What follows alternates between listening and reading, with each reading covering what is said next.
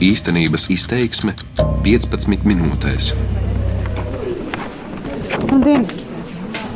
Fizisko personu datu aizsardzības likums ikvienam iedzīvotājam ļauj divas reizes gadā bez maksas uzzināt, kādu informāciju valsts iestādes par viņu ir vākušas. Netiek atklātas ziņas, kuras saistītas ar policijas vai citas izmeklējošās iestādes sāktiem krimināla procesiem. Esmu uzrakstījis iesniegumu un dodos uz iedzīvotāju reģistru, lai uzzinātu, kas par mani ir interesējies. Man teica, ka man pie jums jānāk, man ir pieprasījums par informāciju, kāda par mani ir vākta valsts iestādē. Šo iesniegumu iesniegt. Jā, es tur teicu. Te pirmdienas rītā valda rosība. Darbiniece man liek doties pie informācijas stenda, bet kundze tur pie savas blakus sēdošās kolēģis. Viņai trešo reizi izstāstu savu vajadzību. Es esmu uzrakstījis iesniegumu par informāciju, kāda par mani vākt, es gribu zināt. Kundze izgatavo manas pases kopiju. Lūdzu, pase. Iesniegumu apzīmogo. Izgatavotam otru kopiju. Palūdz, lai norādu arī telefona numuru, zvanīšot, kad dati būs savākti. Procedūra aizņem apmēram 10 minūtes. Tagad atliek gaidīt rezultātu. Kāpēc esmu šādu informāciju pieprasījusi? Zinkārību manī modināja tas, ka pēdējo divu gadu laikā ir pieaudzis to amatpersonu skaits, kuras sodītas par darbam pieejamo datubāžu izmantošanu personīgām vajadzībām. Mani sauc Zane Mače, un raidījumā īstenības izteiksmi skaidrošu, ko amatpersonas sev pieejamajās datu krātuvēs meklē. Piemēram, valsts ieņēmuma dienestā ir ļoti plaša datu bāze par visiem nodokļu maksātājiem, gan par fiziskām personām, gan par juridiskām personām. Stāsta korupcijas novēršanas un apkarošanas biroja priekšnieka vietniece Ilze Jurča. Birojas ķer ne tikai korumpantus, bet amatpersonas soda arī tad, ja izdarīti administratīvie pārkāpumi. Tagad birojam biežāk ziņo par informācijas izmantošanas aizlieguma pārkāpšanu. Visbiežāk redzeslokā nonāk valsts policijas un valsts ieņēmumu dienas amatpersonas. Šīm divām institūcijām ir pieeja ļoti plašai informācijai. Šogad sodītas jau sešas amatpersonas, kuras zinkārības apmierināšanai lūrējušas informācijas krātuvēs. Pērn pieņemti 11 lēmumi. Pārkāpējiem nākas maksāt naudas sodus. Jurķis slavē policiju un vidu. Šīm iestādēm ir labs iekšējās kontroles mehānisms. Tāpēc viņi par pārkāpējiem aktīvi ziņo. Ka vairs nav tik vienkārši pazvanīt ceļu policistam, lai viņš izsit kādu mašīnas numuru. Viss tomēr tiek kontrolēts, uzraudzīts. Mans pirmais jautājums - kāpēc biežāk amatpersonas soda? Ja mums ir, piemēram, kaut kāds signāls vai lietvedībā saņemts iesniegums, piemēram, kāda persona ir uzrakstījusi, ka ir pamats domāt, ka kāds no policistiem ir nepamatoti apstrādājis datus vai varbūt pat nodevis, un mēs veicam arī izlases kārtībā.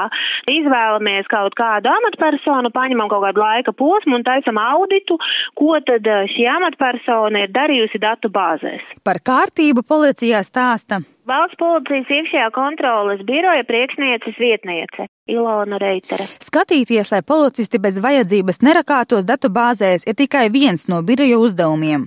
Lai gan Reitere uzsver, šāda lūrēšana iet mazumā, tomēr neizslēdz, ka visus pārkāpējus nenoķer. Valsts policijā strādā virs septiņiem tūkstošiem. Mums nav tādas automatizētas sistēmas, un uh, varētu būt, ka ir kaut kādi gadījumi, par kuriem mēs nezinām. Labāka situācija ir valsts ieņēmumu dienestām. Kopš šī gada tam ir iekšējās drošības pārvalde, kas sistemātiski pēta darbinieku rosību datubāzēs. Agrāk šo darbu veica Finanšu policija. Tagad ir ieviesta sistēma, tagad pastāvīgi tiek veikts darbinieku audīts, un līdz ar to arī izlien tādu gadījumu. Tā sodīto amatpersonu skaita lēcienu skaidro Natālija Dolgova, iekšējās drošības pārvaldes direktore. Mans pirmais secinājums - agrāk amatpersonu kontroles nebija, vai tā bija ļoti švaka. Šīs aizdomas pastiprina arī Jurčas teiktais par situācijas uzlabošanos abās iepriekš pieminētajās iestādēs. Līdz ar to saviem darbiniekiem rāda pozitīvo piemēru, ka nu, tā vairs nevarēs. Kā agrāk bija ļoti izplatīta praksa, ka auditori strādāja pa grāmatvežiem firmās. Nu, protams, ja auditors strādā pie grāmatvedu firmās, protams, ka viņam ir ļoti ērti iet paskatīties kaut kādus datus publiskajās datubāzēs. Tas bija nu, liels risks. Otrs jautājums. Ko amatpersonas meklē?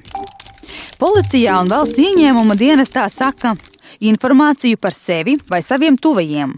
Lūk, daži piemēri. Kāda vita darbiniece 27 reizes divu gadu laikā labojusi datus par sevi? Bet kādā personiskā civilstrīdā ierauc policists darbā pieejamās informācijas dzīvēs, meklējis datus par konflikta otru pusi. Cilvēki to skaidroja ar ziņkārību vai ar ātrāku informācijas iegūšanu, bet tikai par sevi un par saviem radniekiem. Skaidro Dolgova, kura kārtību uzrauga vidā. Sistēmas, lai apskatītos informāciju par savu deklarāciju, par to, kāda ir gaita iedzīvotāju ienākumu nodokļu atmaksai. Kaut kādu informāciju par pašu uzņēmumiem, kur viņi ir valdes locekļi, lai ierakstītu informāciju amatu savienošanai. Arī policijā pieredze esot līdzīga. Tā nesot ļaunprātība, tikai cilvēcīga ziņkāre. Ir, kad draugs paprasa, jā, piemēram, vai kaut kāds paziņa, un amatpersona varbūt nepadomā un paskatās, jā.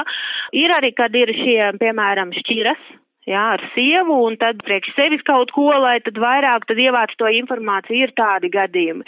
Reitere ilustrē ar piemēru. Ja audits rāda, ka ceļu policists ir meklējis datus ceļu satiksmes drošības birojā un tajā pašā dienā un laikā izrakstījis soda kvīti kādam autovadītājam, tad ir skaidrs. Informācija par auto īpašnieku meklēta darba vajadzībām, tātad likumīgi.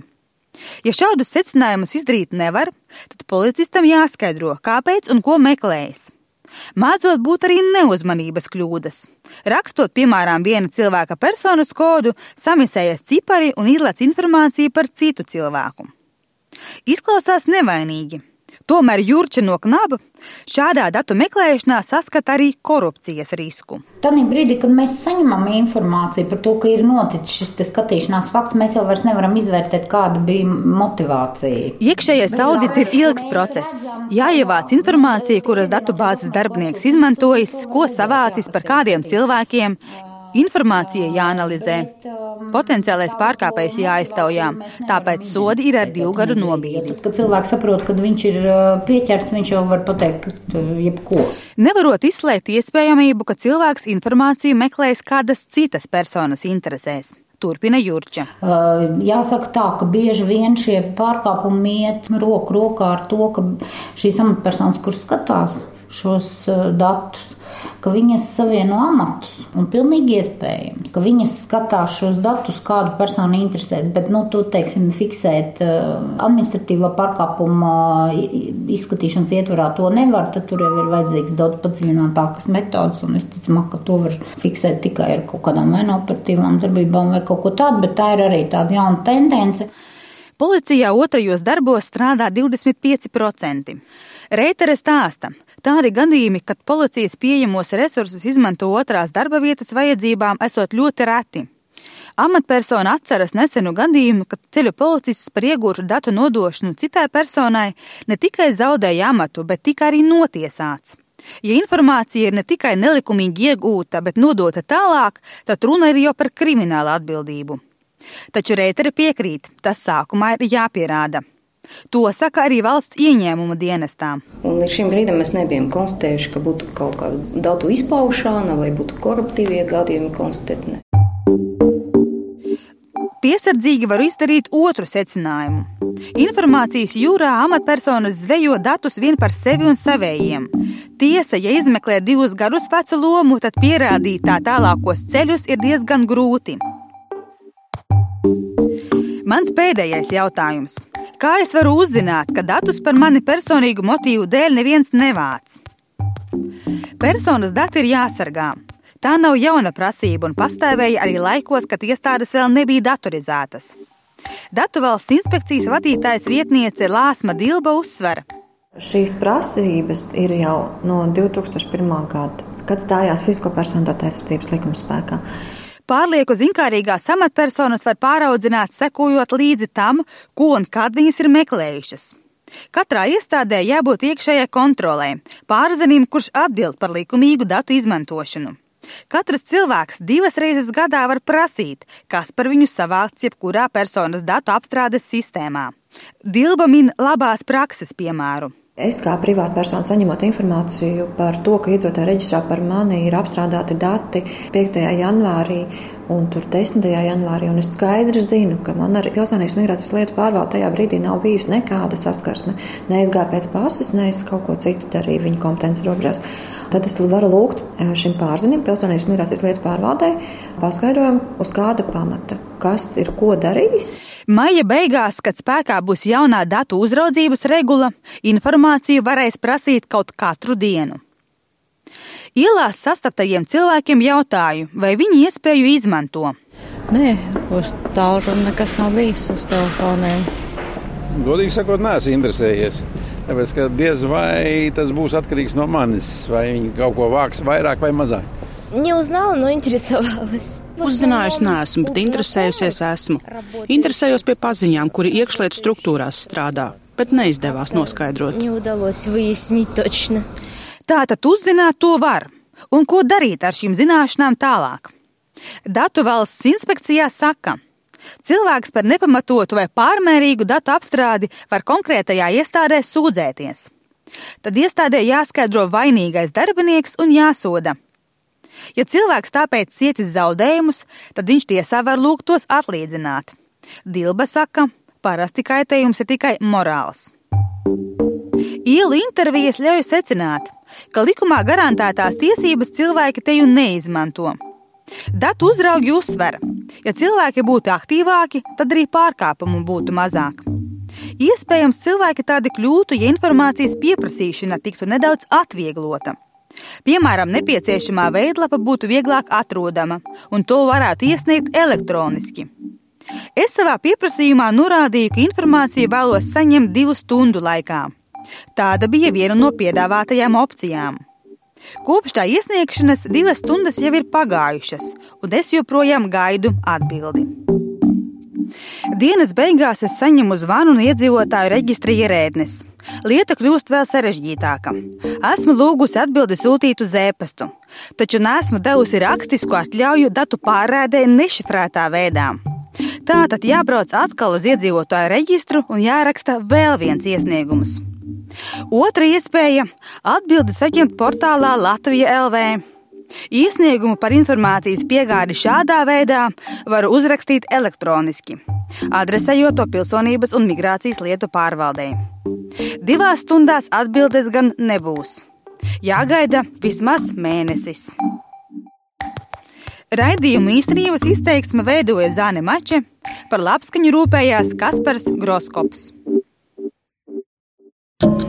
Darbības vārds īstenības izteiksmē izsaka darbību kā realitāti. Tagatnē, pagātnē vai nākotnē, vai arī to noliedz.